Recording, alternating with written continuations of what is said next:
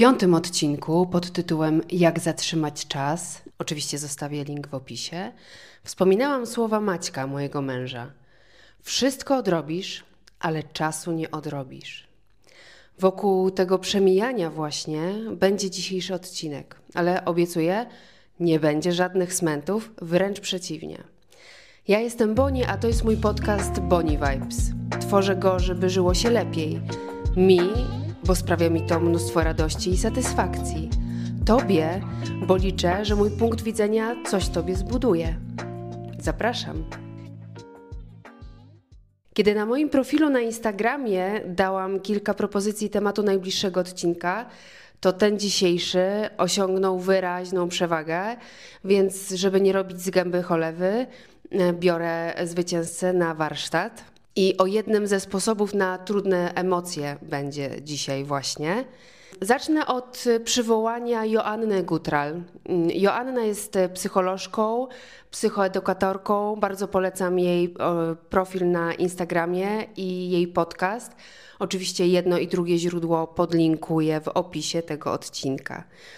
E, Joanna, w, zaproszona do, do podcastu Karoliny Sobańskiej, powiedziała zdania, które niesłychanie mnie poruszyły i postawiły mi y, kwestię życia i takiej codzienności w zupełnie innym świetle, bo Joanna powiedziała tak: Naszym baseline'em biologicznym nie jest bycie szczęśliwym. Naszym baseline'em biologicznym jest przetrwać. Nasz organizm, nasze funkcje wykonawcze, poznawcze i emocjonalne mają za zadanie pomóc nam przetrwać, a nie być wyłącznie szczęśliwym. Zbyt długie szczęście wcale nie sprzyja przetrwaniu. Powiem Ci, że kiedy usłyszałam te, te zdania, to dość mocno mną to, no nie powiem, wstrząsnęło bez przesady, ale dało mi to dość mocno do myślenia.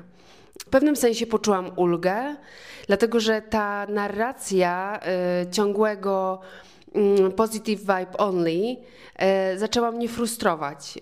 wiesz, Ilekroć otwieram, nie wiem, Instagrama, YouTube'a, a Pinterest to już w ogóle ocieka tym z każdej strony, przynajmniej mój, nie wiem dlaczego przyciągam właśnie takie treści.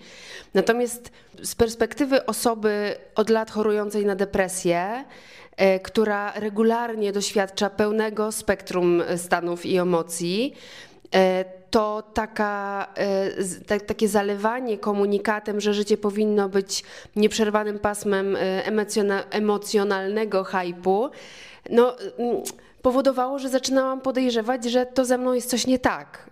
I, I zaczęło mnie to frustrować, i zaczęłam jakby podświadomie chyba dążyć do tego, żeby mm, rzeczywiście z tego mojego, z tej mojej codzienności tworzyć y, no, bajkę o królewnie Boni, która wiedzie piękne życie ze swoim, co akurat prawda, księciem u boku.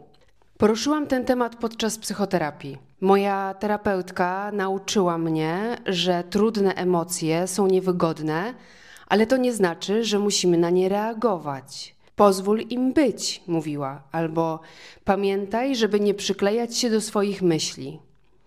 Na początku wydawało mi się to bardzo trudne, wręcz niewykonalne, no bo nie jestem psychologiem, ale mamy coś takiego, że utożsamiamy się z myślami, które nam przychodzą. To znaczy, myślę sobie, że celowo podczas psychoterapii na przykład uczymy się, że myśli to nie fakty. Obie te strategie były bardzo pomocne, ale niestety na krótko. W moim przypadku pokusa odganiania była po stokroć silniejsza. E, no i tak zaczynała się taka szarpanina wewnętrzna. Bywało nawet, że odganianie tych myśli czy emocji spalało mnie znacznie bardziej niż pierwotnie one same.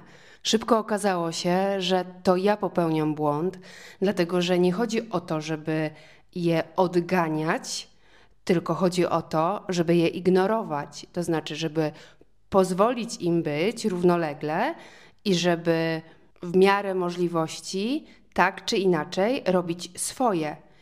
To bardziej do mnie przemówiło zajęcia praktyczne zaczęłam na siłowni, paradoksalnie zresztą.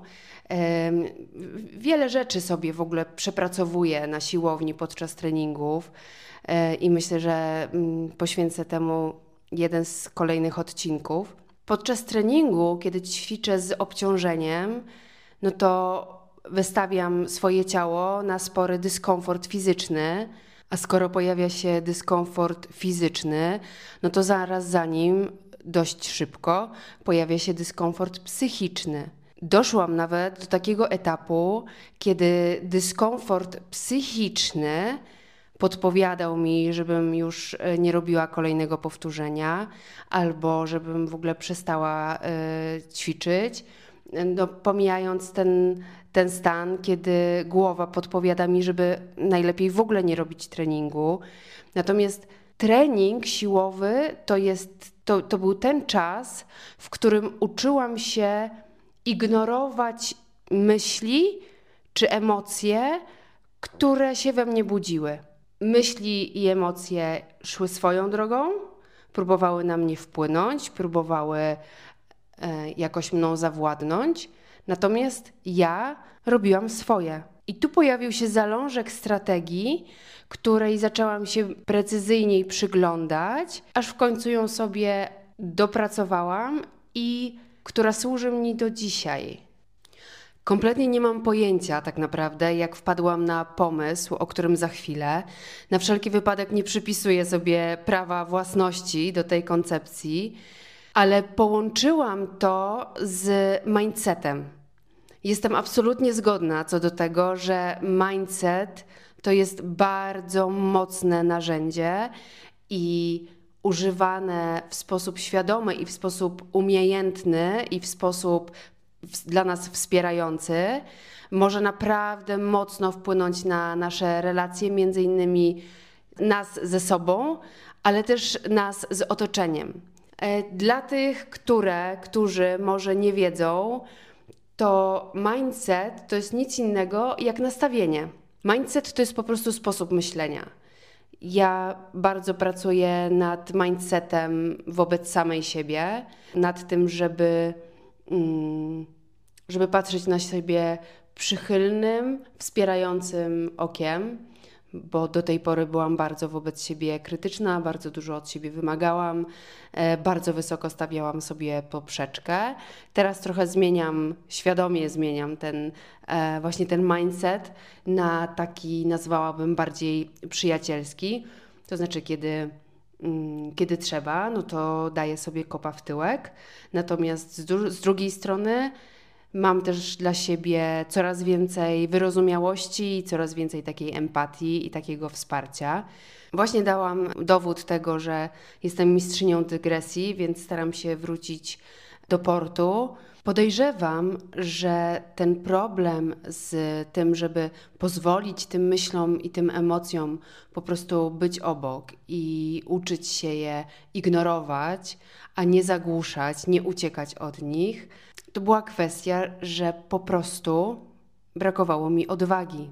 Bo to jest, to jest trudne, żeby pozwolić temu, co niewygodne, temu, co bolesne, temu, co pewnym sensie jakoś nas krzywdzi, nawet jeżeli to jest taka krzywda, wiesz, krótkoterminowa, trudno tak naprawdę pozwolić temu być. Doszłam do wniosku, że wymaga to odwagi, ale nie takiej odwagi bohaterskiej, takiej odwagi, o której pisze na przykład Brené Brown w książce Dary Niedoskonałości. Cytuję. Angielskie słowo courage, czyli odwaga, pochodzi od łacińskiego cor, czyli serce. Kiedyś miało ono inne znaczenie niż obecnie i oznaczało mówienie tego, co leży nam na sercu. Zmieniało się to wraz z upływem czasu i obecnie odwaga kojarzy się bardziej z heroizmem. Heroizm jest ważny, bo cierpimy na chroniczny brak bohaterów, ale powinnyśmy zarazem pamiętać, że należy mówić szczerze i otwarcie o tym, kim jesteśmy, co czujemy, a także o złych lub dobrych zdarzeniach, których doświadczamy. Heroizm często wiąże, wiąże się z narażeniem życia, natomiast codzienna odwaga wiąże się z pokazywaniem, jak bardzo jesteśmy słabi. W dzisiejszym świecie to coś naprawdę niezwykłego. Dla mnie ta perspektywa odwagi do bycia autentyczną to w ogóle jest niesamowity wątek. Przypominają mi się od razu słowa Doroty Szelongowskiej, która powiedziała mniej więcej, że jeśli odwagą jest pokazywanie się bez makijażu, to ten świat stanął na głowie. Nie mam pojęcia, jak to się stało, ale ta perspektywa odwagi, czyli w domyśle odwagi do bycia autentyczną, pomogło mi w obaleniu w sobie takiego wewnętrznego przymusu bycia za wszelką cenę silna. O tej mojej drodze um, opowiadałam w odcinku pierwszym pod tytułem y, Siła to nie zawsze to, co myślisz. Oczywiście też podlinkuję go w opisie. Natomiast w telegraficznym skrócie. Um, przez lata, lata, lata świetlne miałam w sobie taki wewnętrzny przymus do tego, żeby za wszelką cenę mm, nie pokazywać swoich, nie wiem, słabości, swojego smutku, lęku, bezradności, zagubienia i wszystkich innych stanów, które nie wpisywały mi się mm, na tamten czas w moją definicję kobiety silnej. Moja strategia była prosta. Y, no, dzisiaj mówię to z lekkim uśmiechem, takim, takim pełnym trochę żalu i współczucia wobec y, tamtej kobiety. Natomiast przyjmowałam wszystko na klatę, dźwigałam i na końcu lądowałam jeszcze telemarkiem, żeby podkreślić, że wychodzę z kryzysu z fasonem. E, jak zapewne się teraz domyślasz, zagłuszanie lub odganianie ciężkostrawnych emocji, e, no, idealnie wpisywały się e, właśnie w ten, w ten obrazek i w tą strategię. I naprawdę w tym odganianiu miałam mocną wprawę, co nie znaczy, że szło mi dobrze, co nie znaczy, że to było skuteczne, co nie znaczy, że co nie znaczy, że tak naprawdę przynosiło mi to ulgę. Kiedy wpadałam w stan trudnych emocji, to na ogół budowała się we mnie taka obawa, że tam ugrzęznę. To znaczy, że to będzie taki stan, który będzie chroniczny, który będzie przewlekły i z którego po prostu nie będę miała siły e, się wykaraskać. Prawdopodobnie dlatego unikałam konfrontacji z tymi emocjami, prawdopodobnie dlatego y, unikałam tego, żeby stawić im czoła i żeby zmierzyć się tak naprawdę z tym, co czuję, bo bałam się, że albo nie dźwignę tego, co tam zobaczę, albo po prostu tam ugrzęznę. No dobrze, ale jak to ma się do sposobu na radzenie sobie z trudnymi emocjami, co ma odwaga, siłownia e, i pokonywanie e, gdzieś tam własnych barier, do tego, żeby po prostu w trudnych chwilach było nam lepiej.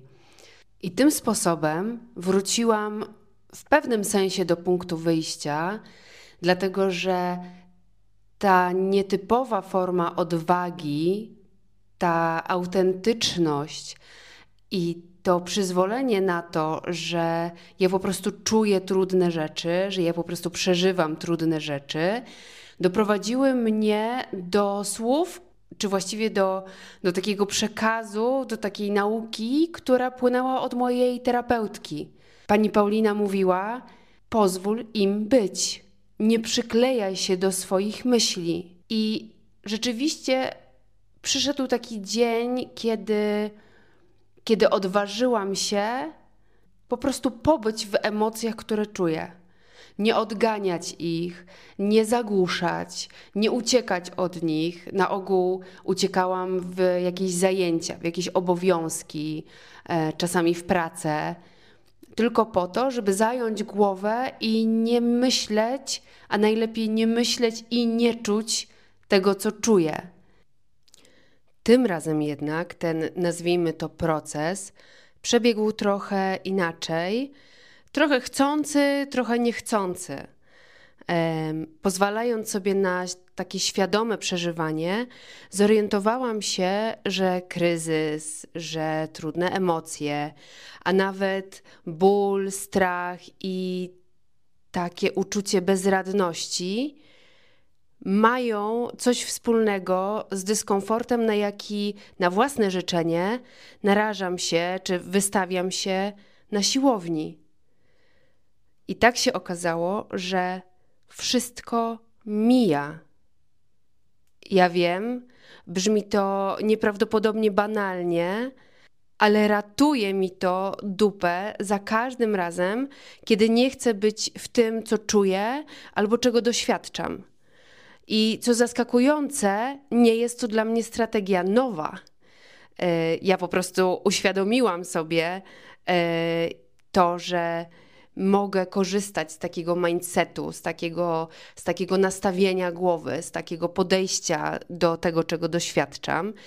Ale pamiętam, że pierwszy raz posiłkowałam się e, takim, nie wiem jak to teraz nazwać, takim sposobem myślenia 20 lat temu. E, pamiętam, mój ojciec leżał wtedy ciężko chory w szpitalu, a my z moją mamą żyłyśmy po prostu na, no w pewnym sensie na oparach sił. I to jest pierwszy raz, który pamiętam, że tłumaczyłam sobie, że kiedyś to się skończy. Pamiętam jak dziś po prostu, pamiętam pierwszy raz, jak, jak sobie to pomyślałam, pamiętam, że jechałam samochodem i dokładnie pamiętam, w którym miejscu w Warszawy to było, że pomyślałam sobie, to się kiedyś skończy. Drugi raz, znów nieświadomie, e, sięgnęłam po to, nazwijmy to narzędzie, w połowie 2020 roku. Wtedy miałam istnie życiowy kryzys i też wszystko minęło. Kiedy teraz o tym opowiadam, to przypominają mi się słowa Maryli Cuthbert. Nie wiem, czy znasz e, książkę Ania z Zielonego Wzgórza Lucy Mont Montgomery. Ja oglądałam wszystkie części ekranizacji tej, tej książki e, i pamiętam, jak e, oglądałam e, to z mamą w weekendy. E, płakałyśmy jak bubry. E, znałyśmy cały film już na pamięć i całe dialogi po prostu potrafiłyśmy cytować. Natomiast był to jeden z ulubionych naszych wspólnych filmów. I tam e, wspomniana Maryla Cuthbert e, powtarzała Ani: Jutro jest zawsze nowe i wolne od błędu. Uwielbiam to zdanie, dlatego że oczywiście tutaj ten błąd e, jest sytuacyjny. Natomiast jeżeli skupiam się na tej części jutro jest zawsze nowe i wolne, to daje mi to taką ogromną nadzieję, że następnego dnia będzie łatwiej. E, to jest zresztą taki, właśnie taka narracja, którą, którą ja sobie powtarzałam, jak byłam dzieciakiem, że jutro będzie łatwiej, jutro będzie lżej, jutro będzie inaczej. Przecież żaden płomień nie jest nieśmiertelny. Wszystko ma swój początek i koniec. Tak z tego składa się po prostu świat, z tego składa się życie i to, co ciężkie, to co trudne, to co niechciane, też się kończy. Poza tym jest jeszcze takie zjawisko jak strach przed strachem. W to naprawdę bardzo łatwo jest się wkręcić i e, pamiętam jak sama wikłałam się właśnie w taką szarpaninę emocjonalną i wkładałam bardzo dużo takiego wysiłku i takiej pracy i takiej energii w to, żeby za wszelką cenę trzymać fason i żeby za wszelką cenę nie poddawać się temu, co czuję, y, czy temu, co doświadczam i temu, że jest mi po prostu, nie wiem, źle, niewygodnie i, i nie mam siły na to, żeby y, aktualnie iść z nurtem życia, to bywało tak, że w momencie, kiedy pojawiał się, jak pojawiała się jakaś trudna sytuacja, to ja już się jakby bałam, że będę się czuła w określony sposób i że to nakręci określoną, e, że tak powiem, spiralę e, zachowań i moich reakcji i tak dalej, i tak.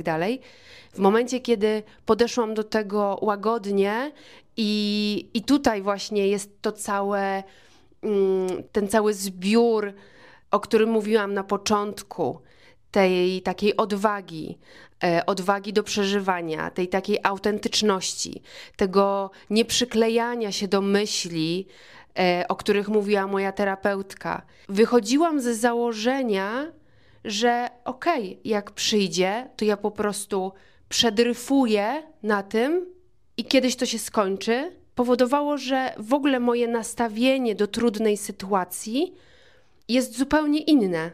Dziś, kiedy przydarza mi się coś trudnego, e, ja podchodzę do tego w, w taki bardziej właśnie łagodny dla siebie sposób, dlatego że myślę sobie, no dobrze, to jest taki czas, który muszę przejść, znaczy nie muszę, ale który chcę przejść, i on ma swój początek i koniec. Wszystko mija. Żeby była jasność, mam świadomość, że nie jest to strategia, która chroni przed trudnymi emocjami i niewspierającymi myślami. Ale zła wiadomość jest taka, że nie da się ich uniknąć. To, co jednak możesz zrobić, to szukać sposobu na to, żeby przechodzić przez te, w cudzysłowie, deszczowe momenty życia w sposób, dzięki któremu zmokniesz jak najmniej. Każda burza przecież kiedyś się zaczyna i kiedyś się kończy. Mam nadzieję, że tą historią zainspirowałam Cię do tego, żebyś stworzyła czy stworzył swój sposób na radzenie sobie z trudnymi sytuacjami, z trudnymi emocjami i z takim czasem, no, którego nie lubimy doświadczać, ale którego doświadczać będziemy. I myślę sobie, że błędem jest patrzenie na życiowy kryzys czy emocjonalny kryzys jak na dół.